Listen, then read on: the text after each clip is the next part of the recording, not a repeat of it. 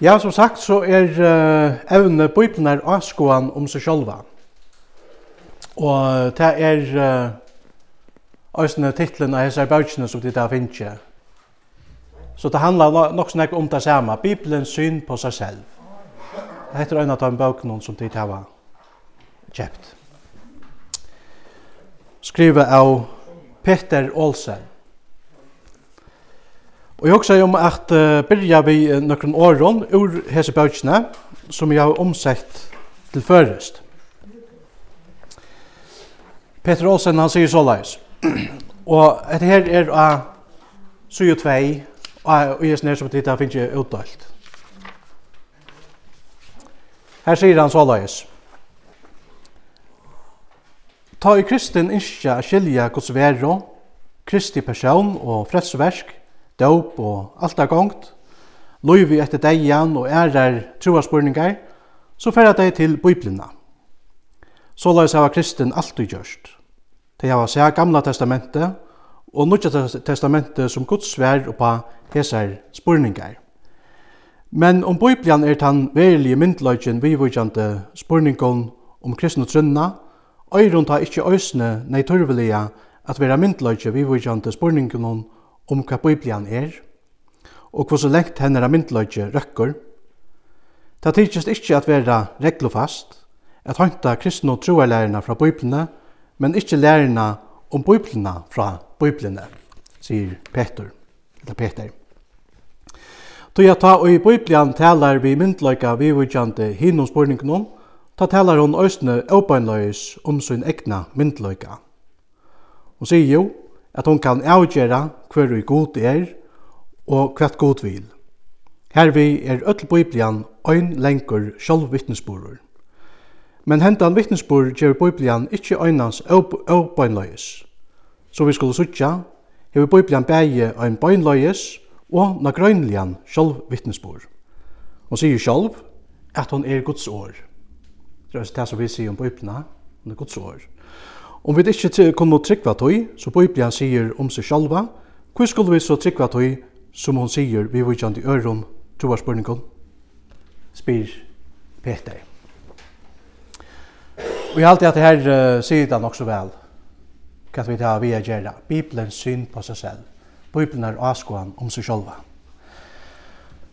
Og jeg husker om å byrja vi en eller nokre versjon i Bibelen, hvis det blir oppa så jeg tror, 17. Timotheus brev, kapittel 3, vers 14 til 16.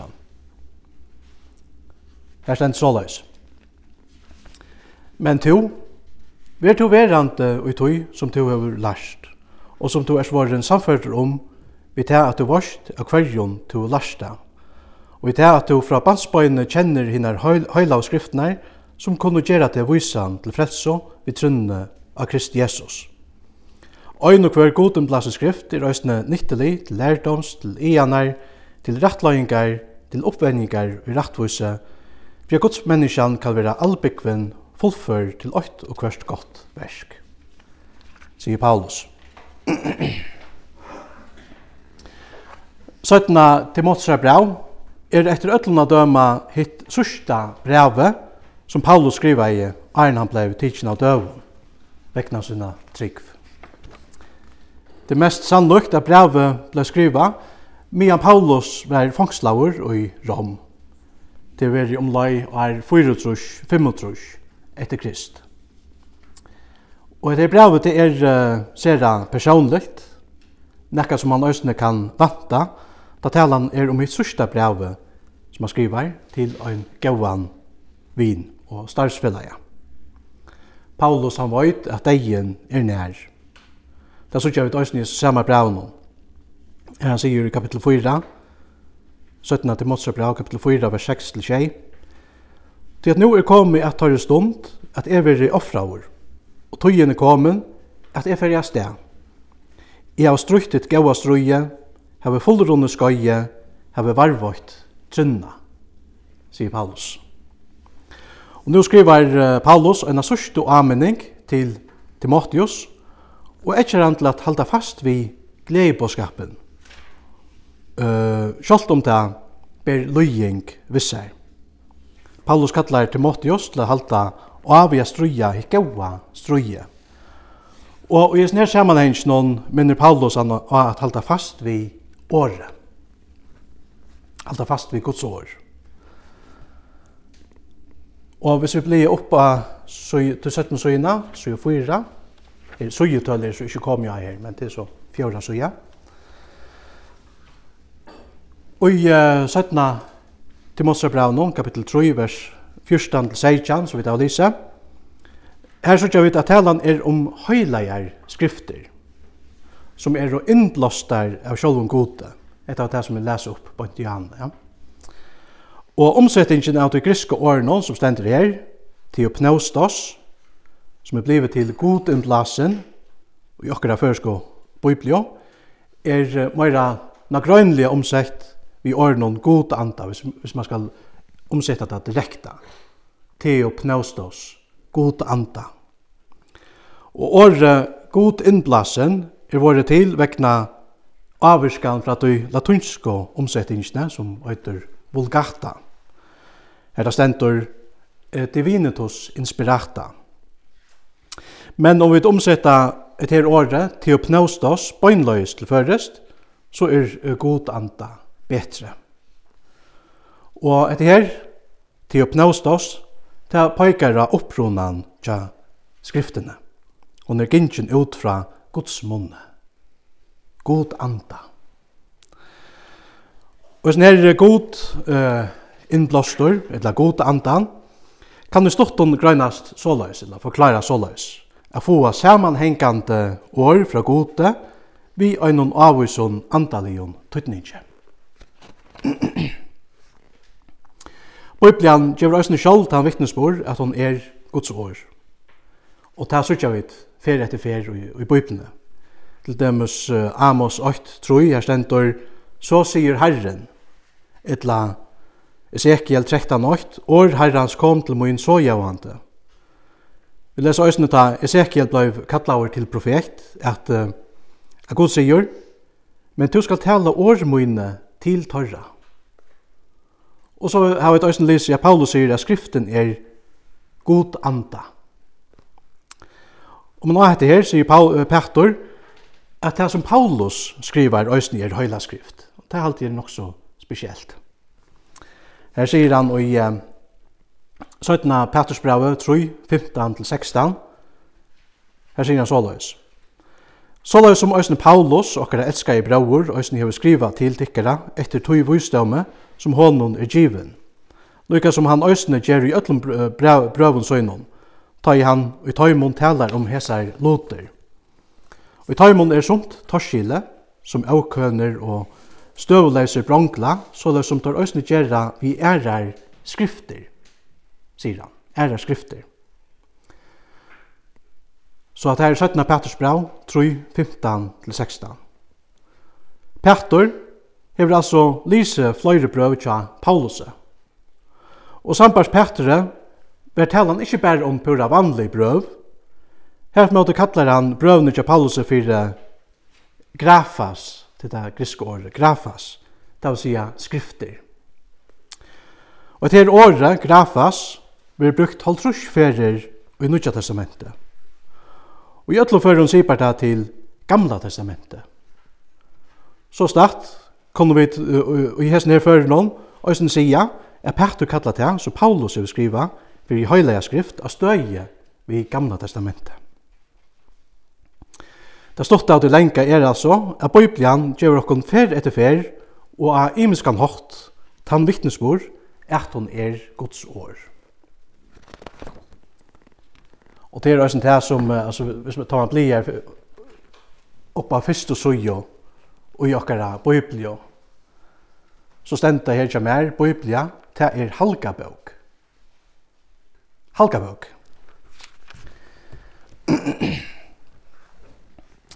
Paulus sier øsne, «Tog at det skammest ikkje vi gleder på skapen, tog at han er Guds kraft til fresso, for kvent han som tror.» Og i rammer brev noen, tutsk og seitjan, lesa vit, så kjemur ta tryggvinn av tøy, så vil hårst, men ta så vil hårst kjemur tjøknon år Krists.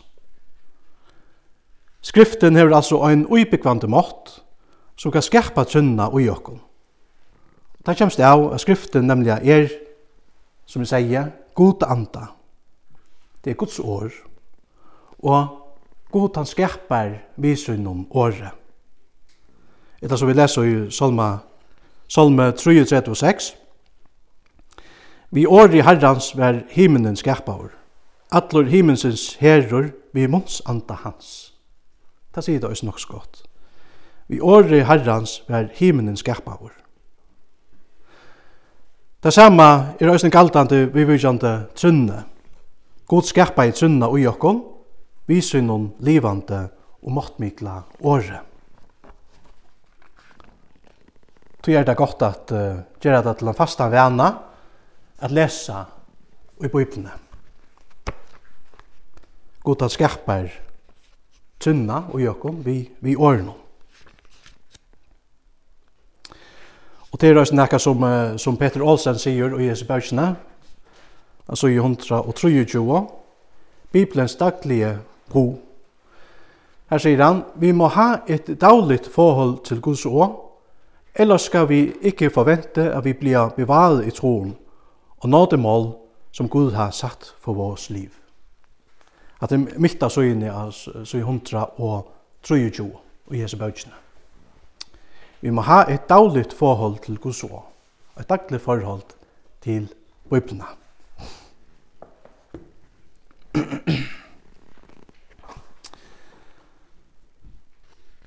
og hvis, hvis vi blir oppe så jo 5 og hesen her.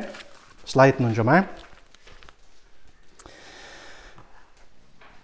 Sjálv sier Bibelen, som sagt, Ein og hver god innblasen skrift, sier Paulus vi Timotheus, ein og hver god innblasen skrift.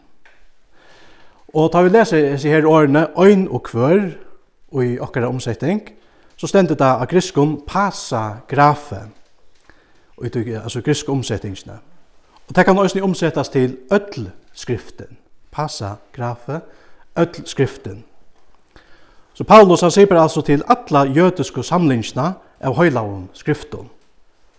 Hette er jo som skriften der, så vi tar i okkara gamla testamentet. Talan er altså om alla skriftene.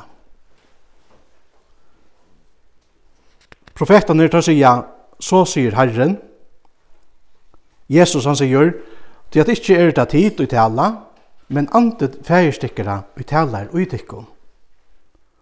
Og god sier vi Moses, jeg skal være vi munnet og innom og kjenne deg hvordan du skal tala. Etter viser dere hver det er som talar i bøyplene. Det er nemlig i grunnene selv og god. Det er god selv som er bøyplene rithøvendor. God han er avgjørst at åpenbæra seg fyrir okkum i djøknon hesa bøkina, i djøknon skrift. Men ta Bibelen er skrivet av menneskjon, og rithøvendren er god, hvordan kan man så forklare det her? At hun skriver av menneskjon, men at rithøvndren er sjálfur god. Man kan ikkje nokta at Bibelen er avvirske av menneskjon. Om man til døms leser Matteus, Markus og Lukas, så ser man kjøtt hvordan Imus tar skriva. Men tar skriva allikevel om de samme tingene, men tar skriva om det på forskjellige matta. Og det kommer det av at god gjerne vil bruka mennesker så løs som de er, lukka som han også vil bruka okken så, så vidt er. Han brukar også personløykan tja til dømes apostelen. Og etter kommer tog også at sette sin dama til som vil skriva til dømes Matteus evangelium, eller tja Lukas evangelium etla tja Markus. Så kommer vi bli av vi gjør oppe av 6. Apostlon og profeton gjør godsøgjane en båskap a bera vi og a festa på papur. Vi lesa til dømes og gjørs ned versen og ned. Hebrea brevet, kapittel 8, vers 8. Etter a god til forhånd, menga ferrer og mengan hotta i tala til fedrane tjøkk noen profetene. Jeg ser profetene virka oss som Guds ambo vi heila i andaskraft. God uiblåste der og gav tøymon en båskap a bera vujere til fölkje. Og så stenta er at det var gjørst av mengan hått. I fleste fører så vet man ikke hvordan det er fink å ta påske, men korsene så heva vi et nøkker dømer. Han kom til tar for det første personlige, og tala i vittar.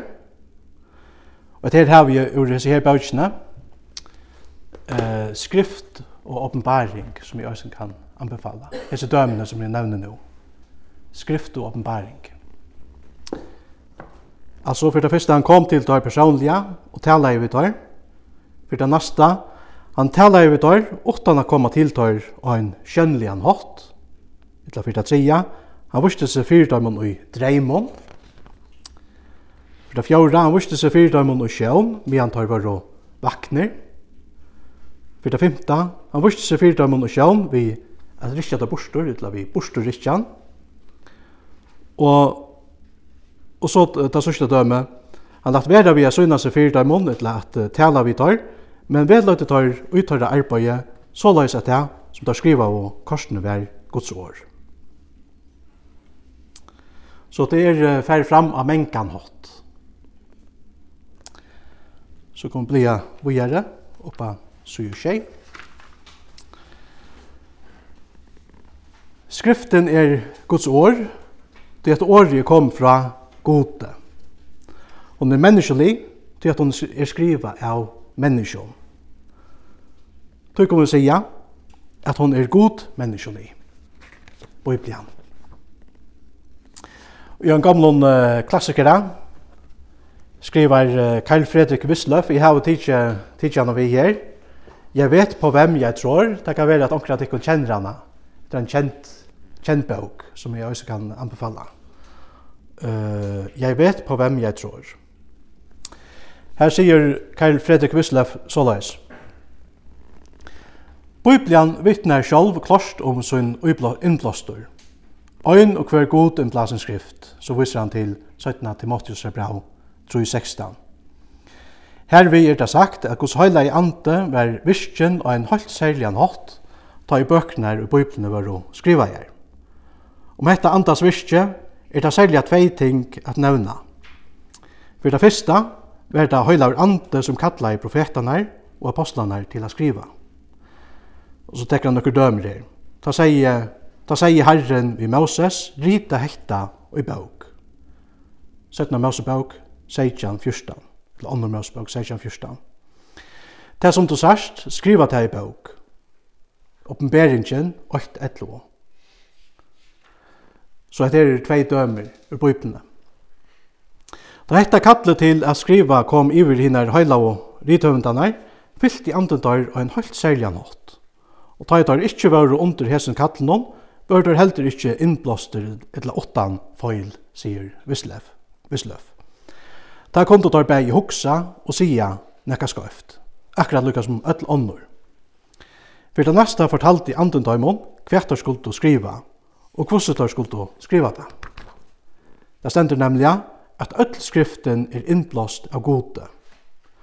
Heilar ande hever sikt fyrir at Biblian inniheldur akkurat det som hon skal innihalda. Så hese årene tja Vissløf kunne sauna saman og i 17. Petersbrav, kapitel 8, vers 21. 17. Petersbrav, kapitel 8, vers 21.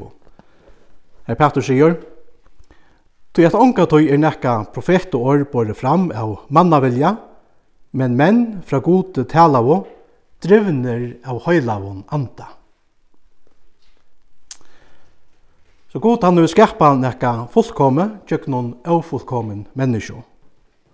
Han har vellagt profeter og apostlar, så, så løs at han ikke gjør det nekka feil, da han gav dem en uplaster til at skriva. Så kan vi blia oppa og åtta. Her er et sitat av en som heter R.C. Sproul. Vi vil gjerne til oss ned, her sier det ned med Arsis Brol, om Bibelen er Guds år, så kan hun ikke tekka feil. Det er god, han tekker ikke feil. Om Bibelen tekker feil, så kan hun ikke være Guds år. God kan omgå til å være samøyntor vi feiler, sier han. Og til det er god, han er en fullkommen god.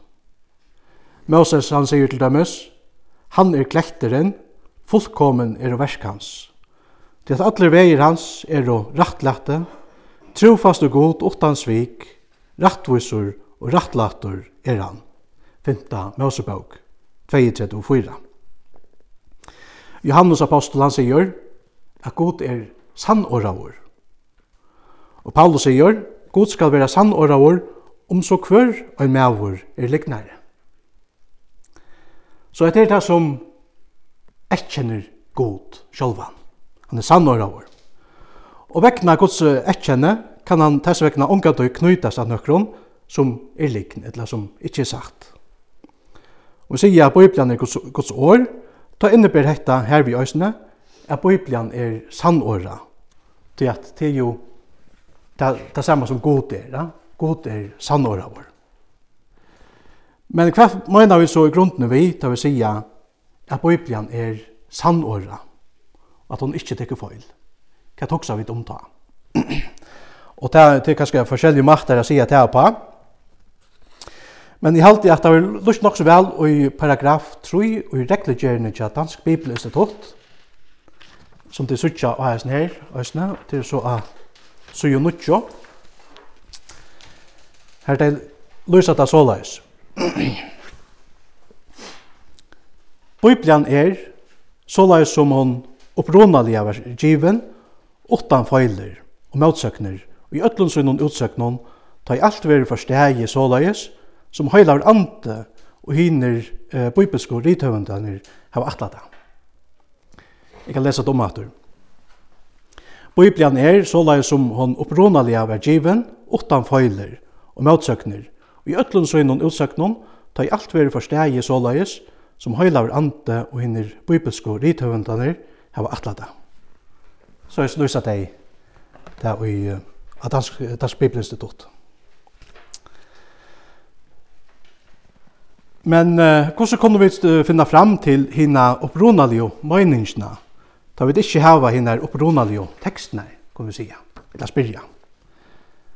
Det vi tar jo avrid av de opprunalige skriftene, vi hava ikke der, der opprunalige tekstene langt. Men god han hever hava seg til her, sier fire, at vi da finner fløyre avrid av opprunna skriftene. Det er ikke så løys at Guds år er harve, bare at man er avskriva. Teksten er hava vært sere vel varvøyter, og avskrivingarloven, som er galtande for hinnar skriftlært og jødanar, som tåk oss vi et her arbeid, var òsne øyla streng. Det er arbeid då for at sikja seg at hinnar 33 bøknar og i Gamla testamentet var varvøytar og i røyn løytje. Så går vi bli oppa suyo tutsjo.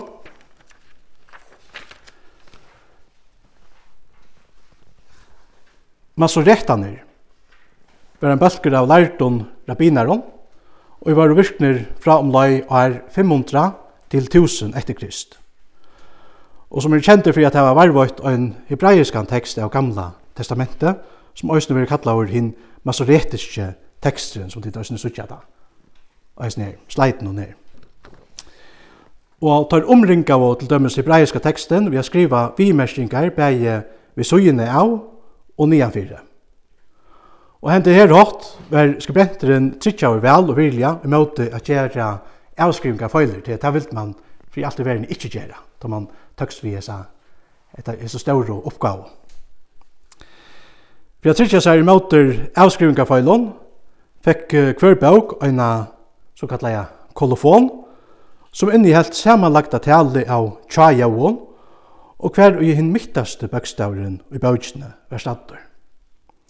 Og imisk ånder støtt frøylig anpå var òsne brukt av skribenten til at endurskoa arbeidet vi.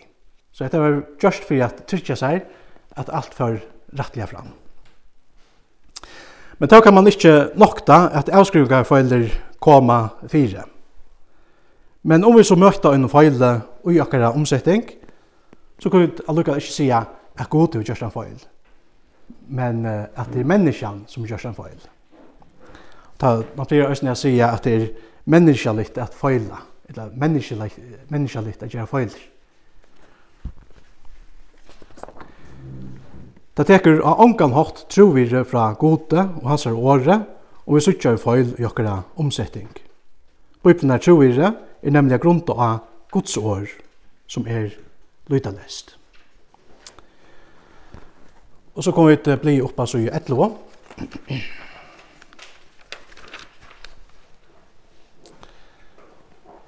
Her, jeg skal byrja vi, jeg så første versen hun er, 17. Petrus brev 8.21, som vi leser i Jan i Øsne. Det unga tøy er nekka profet og årbore fram av mannavilja, men menn fra gode tala og drivner av høylaun anta. Profetane er drivner av høylaun anta. Det var anden som sier vi der hvert år skulle sia og skriva. Etta djevur åren noen tja profeten og goddomlian myndløyga. Da skjøttu det som god sier. Og samme hatt av årene tja apostelen godomlian myndløyga. Uh, I Lukas 5.8 her leser vi at Jesus taler Guds år. Uh, her stendur, men ta, ta bær av, medan mannamikvan tyrptist om han og lytti av Guds år. Så Jesus han taler altså Guds år. Og Jesus han sier så gjerne sjolvor vi apostlene, «Tan som høyrer tikkun høyrer med ta som høyrer tikkun høyrer meg. Så apostlene taler øsne Jesu år, som øsne er Guds år. Så Bibelen er Guds år, hon er god anda, og etter en sannløyke som fer etter fer verur stafester i Bibelen, beg av Jesus og av hans herra læresvøyne. Vittnesboren som Bibelen gjør om seg sjálva er altså at hon er Guds år. Det er Bibelen er avskoan om seg sjølva. Vi kan bli av å gjøre, så gjør tølv.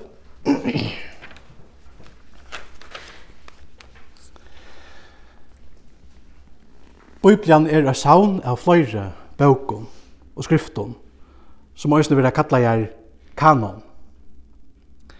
Det vil si, ja, halvkjefestar bøkker i Bibelen. Jeg husker alltid om en kanon da jeg sier et år kanon. Men et her år, kanon mestjer malestokker. Og i fromkirkene var et her år brukt for jeg pøyke av, hver hinn sanna kristna tryggven vær. 17. var året kanon, og som brukt om innihalsivlite i bøkene, så var det taltar vi og i halgebøk. Hvor var det akkurat hessar 36 bøkene talte vi i halgbøk? Så kunne vi spørre, hva var så særlig vidan? Og hva var kraft av skriften som var talte vi i bøkene? Det er oss nek som spørre om i det. Det er jo nekvar ære skrifter, og man kan nevna, som vi har kanskje hørt om Thomasar evangeliet, etla Jotas og apokryfene, til flere skrifter som ikke er vi i Bibelene. Hvordan kunne vi vite at det var de og skriftene som kom vi da Bibelen ble samlet? Årsaken til at man hever en kanon, eller kanon, er tog jeg god hever åpenbæra seg i djøknon sommerskrifter, altså god hever åpenbæra seg i noen nekker sérstakka skrifter, medan er skrifter ikke innehalda Guds åpenbæring. Kanon er altså ein samling av høylaun skrifton. Hesa skriftnar er einas vei i kanon, vekna tørra godomliga myndløyka. Tui er der i bøyblene. Vekna tørra godomliga myndløyka. Og da man snakkar om myndløyka, tør det vi til samme i hoanon, som òsne vi nevnt i Hebreabraunon, som jeg òsne har lyset fyrdikom. Etter god i forum menga ferir og menga nått, Hei tala til fedrarna i jöknum profetanar, hever han vi endan og hesson døvun tala til okkara jöknum sonen. Godan hever tala klost og tøyliga til menneskjo oppi jöknum tøyina. Han tala til dømes til Moses, og Moses han bærer søgjane hos år vujere til fölkje, som søgjane bøkte seg fyrir myndløykanon og gis ned årenon. Og et døme om etter her kunne vi til dømes finna i Erro Mosebøk 423 til 4. Det er det sender. Ta og Moses kom aktor og kunngjørte feltsjonen et år herrans, og alle skipaner, sverre i alt feltsje vi øyner rødt og sier, «Øtl bo herrans vilja vi talta. Og så stendur, ta skriva i Moses år herrans nyer». Så han skriva etter nyer. Det var bæge hinn munnlige og skrivelige bådskaperen til profeten som heie godomlige myndløyga fyrir fæltje. Biblian tja hinn og fyrstu kristne sa ikkje ut som okkara biblia ser ut. Det at uh, Nudja testamentet, det var ikkje skriva da. Og tess vegna høttu dei berra gamla testamentet, som også var hinn høylega skriften til jötunum. Og i gamla testamentet kom du hinn fyrstu kristne lesa om hinn lovaja Messias, som nu hei åpenbæra seg fyrir dæmon, viser noen løyve, deia og opprørsen. Og så kom bli oppa så jo 13. Her som ber iverskriftene hebraiska kanon, som også vil kalla Tanakh, i parentes, Tanakh. Og ta ta stavar fra er sum som som over over överstera. Lowen tåra her sum te te Og Och profetarna Nebim här kommer ända frá og skrifterna Ketubim. Kaja, då ser man Tanak. Hverja bøkur jötanir rokna vi ut av Biblio, var etter ötluna døma fastlagt av Jesu døvun. Jesus han gav tekur æsten sjálfur myndlaikan og i gamla testamentet. Vi et endur djeva fratamon imensko baukunon og i gamla testamentet. han forteller om sin, sin gjerning. Eta sutja vi til døms klarst og tøylia, ta Jesus hittur tvær menn som er av vei til Emmaus. Eta sendur i Lukas evangelium 24, 25 til 22. Og han sier vi tar, og tikkara avvidu og menn, og søgnføru og hjersta, til at trykva öllum tøy som profetanir hava tala. Åtti ikkje Kristus a loja hekta og færre inn til dørsøyna, og så stenda, og han byrjaði fra Mosese og fra öllum profetinum, og leie utfyrir tøymon tøymum i öllum skriftinum til som skriva vær vivujjante honum. Og etter òsne akkurat det samme som han gjer da han hittir lærersveinene at han har opprørsene. Han sier, Og nå leser jeg fra Lukas evangelium 24 44. Men han sier vi tar, Hette er det de år, mine, som jeg taler i til tikkere, medan enn vær tjatikken, at alt det øyre genge ut, som er skriva i Moselov og profeten og salmen og med. Så her tekker han østene og viser til alle skriftene. en ærestane her sier Jesus, Til tess at alt hitt rattvisa blå skal koma i vitikkon, og i uttelt er av hjørne lykka fra blå i hins rattvisa Abels til blås Zakaria Barakiasonar, som de drog på mittlen tempels og altars. Da stender Matteus evangelion 23 og 35. Og i hesson dømnon, dømnon, her talar Jesus om punslavattanar og i Gamla Testamentet. Vi leser om Abel og i Fyrste Mosebok, Det er altså den første bøkken her, og listan ned. Det er altså den første bøkken i hebraisk og kanon. Og så leser vi om Zakaria Barakiasonar i 17 og som er den sørste bøkken i hebraisk og kanon, som det er også sørste her. Krønnekebøkene. Så her talar Jesus altså om alla punslavattene, lykka fra byrjanne og til endan av henne hebraiske kanon. Og så lær sutja vit at Jesus gav tekur sjolvor henne hebraiske inndøylingsna i, i Gamla Testamentet. Loven, profetaner og skriftene, etla Tora, Nebim og Ketubim, som det stender her. Han gav tekur henne hebraisko kanon fra 1. Mosebøk til 17. Kronikobøk. Og akkurat det samme som at gautekka okkara inndøyling fra første Mosebok til Malaki. Og da Jesus sjálfur gautekka gamla testamentet, da han gautekka til det, så kunne vi døysene vi fotlån frumøve, sett okkur nyer, og lesa gamla testamentet som Guds år øysene til okkur.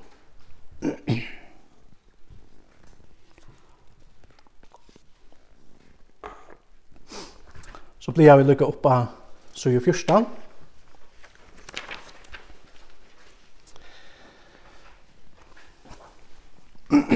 Lukka som vi kunne stedfeste godomlige myndløkene i Gamla Testamentet, vi tar at Jesus sjølver gavtekker det, så løs kviler godomlige myndløkene i Nødja Testamentet i Øysen i sjølven Jesus. Da Jesus taler om sina bortefær, gav han apostelen Øysen i et lyfte om at god skulle sende dem heilige andan som skulle velja tar til atlan sannløykan. Og i Johannes evangelium 14.26 her stendur til dømes. Men talsmauren, høyla i anden, som færen skal senda i munn og navne, han skal læra tikkun alt, og minna tikkun av alt, som jeg har sagt tikkun. Og i kapitel 16, Johannes evangelium, vers 13, her stendur, Men ta han kjemur, sannløykans ande, ta skal han velja tikkun til atlan sannleikan. Så start er Nutja Testamentet altså eit urslit av andans lorslo, høyla i andans lorslo. Og i, og i Hebrea bra noen her la oss vidt, etter at god i forhold, menga ferir og menga nått, hei tala til fedrana og jøkken profetana, hever han vi enda noe som døvun tala til okkara jøkken sonen. Og i gamla testamentet tala i god jøkken profetana. Og som hattar punkti av Guds oppenbering talar han så at enda til mannaatna tjøknon sjálvan, sonen, tjøknon Jesus. Og ta og Jesus, Jesus sier han gjør apostelen lyfti om at ande skal læra og minna tøyr og at av alt det som Jesus hei sagt. Ta viser det her okkur nøysene, er god heldur av vi at tala tjøknon Jesus. Vi har bruka apostlene her, som sender på og kristia. Det er det som det vi har kattlet her. Sende på i Kristi. Da kommer jo ikke vi noen nødtjon båskapet.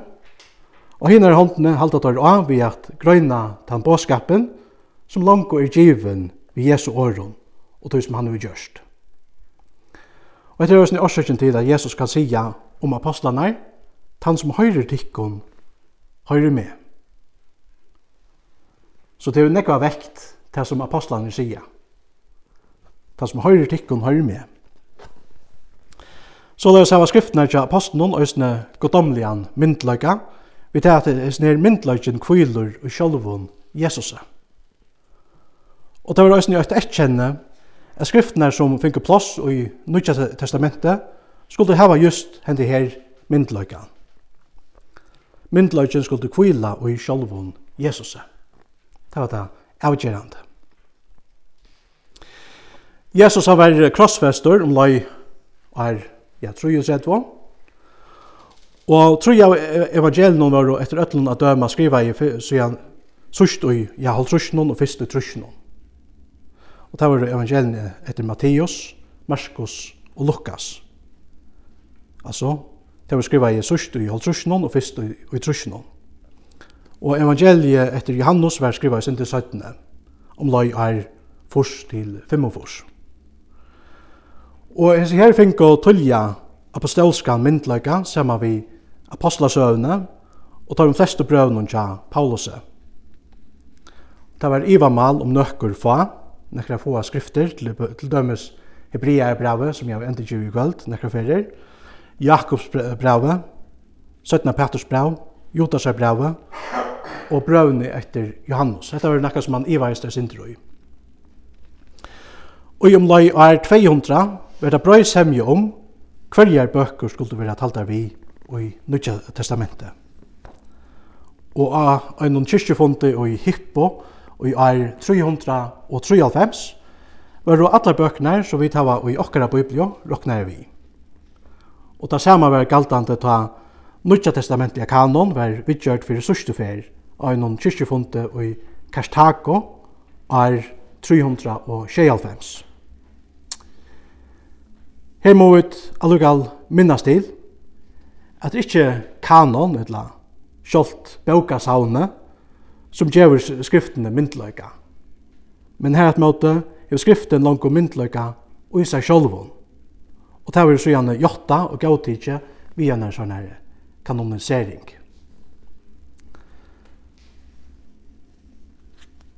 Her der imensko heilavskriftene er vera eh, savnare samar sannare saman.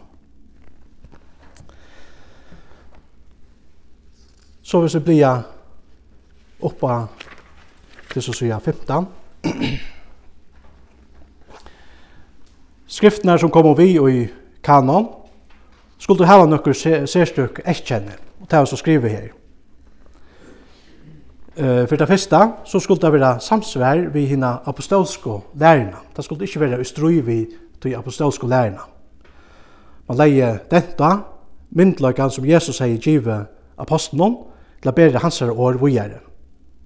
Skriften hun skulle være apostolsk. Og det neste døme, det er søvlig nærløyke til Jesus, eller Jesus hendingsna. Ritøvendene skulle være et egna vittne, det var krav, etla en læresvøyne tja en egna vittne. Så det er tatt på sjølvan Jesus. Og for det tredje, uh, så kan man også etter om imensko samkomnar ta døvun, gautok og skriftene som apostolskar. Hinn lutherska læran pojkar av at kanon ikkje er uh, endelig fastlagt, men at kanon og hinnar inne er åpen, som det sier. Hun er åpen. Og det sier man for at uh, leggja denta, at bøkene som er i Bibelen ikke er her, til at kyrkjan er her. Men til at her er eller til at her er sin egna trovire og apostolska myndløyka har vurs seg å være sanne vittnesborer om Guds oppenbering. Så det, det her var myndløyka og i seg sjolvun. Men høyast kanon kan sies å være åpen, er det sera avsandukt, at nokkur nudj apostolsk skrift brottliga vi er funnet. Jeg vil se bøkene vi her. Hvem skapte Bibelen? Skrivet av Henrik Nyman Eriksen. Her sier han, eller legger han dette, at onker skrifter som ikke er vi i Nytestamentlig og kanon i det, kunne sia seg at det var nekran søvlig rett til at være her til at der hava å være gautiknar som apostolskar. Søvliga seg kan man tog sija at nøytestamentliga kanon er fullfutja. Altså, vi tar finnst der skriftene, som god vil de hava at vi skuldo hava. Så kan vi bli oppa du sørst og søyina. Etla nast sørst og.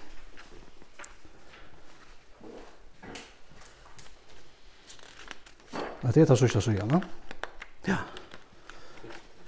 I salm, salme, salme, salme 119, vers 105, leser vi. Tutt år er en likt for fautemøynen, og et jaus av gøtemøynen. Etter et øyta møynon favoritt åren. Tutt år er en likt fyrir fautemøynon, og et jaus av gøttemøyne. Så nå, om vi at enda uimynda okkon, at vi er av vei i djøknon eina myrska skau, mitt av nått, Og vi tar ikke hava nekka jævs av gøttene, så vita vi hva det hender. Så vittlas vi kjøtt av løy. Utan et jævs i mysknon, så kommer vi til å dekta om støyner og grøyner av gøttene. Utan nekka jævs, så sykja vi til heldur ikke ordentlig om vi gengar det rett av veien. Om vi tar hinner så inn hava et jævs tja akkon, ta sykja vi hver okra føtter stuja. Nå kan vi glaiva opp om støynerne og grøynerne av gøttene. Nå sykja vi at gøttan som vi ganger av, er gøttan som fører okken heim til husa. På samme måte er det vi akkurat biblio. Hun er et jaus og i myskrenom, Så viser okken vegin heim til himmels. Samme spørsmålene er det bare tveir veier som vi mennesker kunne ganger av. Glætnar vevren, ytla hin evige vevren. Det er ikke en middelvever. Det er bare tvær vei. Og Bibelen er okkara, vi kan sija, okkara andlige GPS-ere. Bibelen hon viser okkom, og vi er av vei til glættan. Og hon viser okkom veien, så fører okkom heim til himmels. God er nemlig ein frelsande god, så vi laia öll menneske heim til sunne avio nærvero, heim til himmels.